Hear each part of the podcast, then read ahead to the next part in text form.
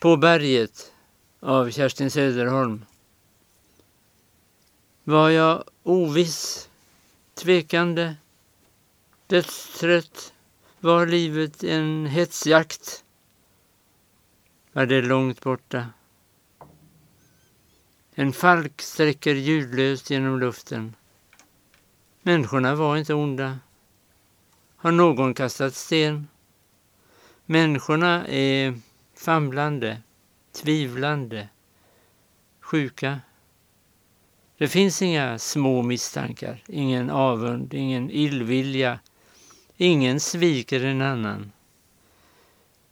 Ur djupet hörs dyningens slag som en ändlös viskning. Jag läser för första gången i en stor bok där vart blad är väldigare än i någon bok som finnes.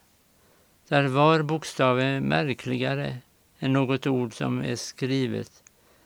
Där vart tonfall är mer bjudande än någon furstes röst och var tanke är underligare än den någon vis har tänkt. Någon har gått med långsamma steg förbi mitt huvud och en osynlig mantelflik har snuddat vid mitt bröst. Här blir klippans ord så sällsamt stora i tystnaden. Här försvinner människoaningar som stoftkorn i rymdhavets omätlighet.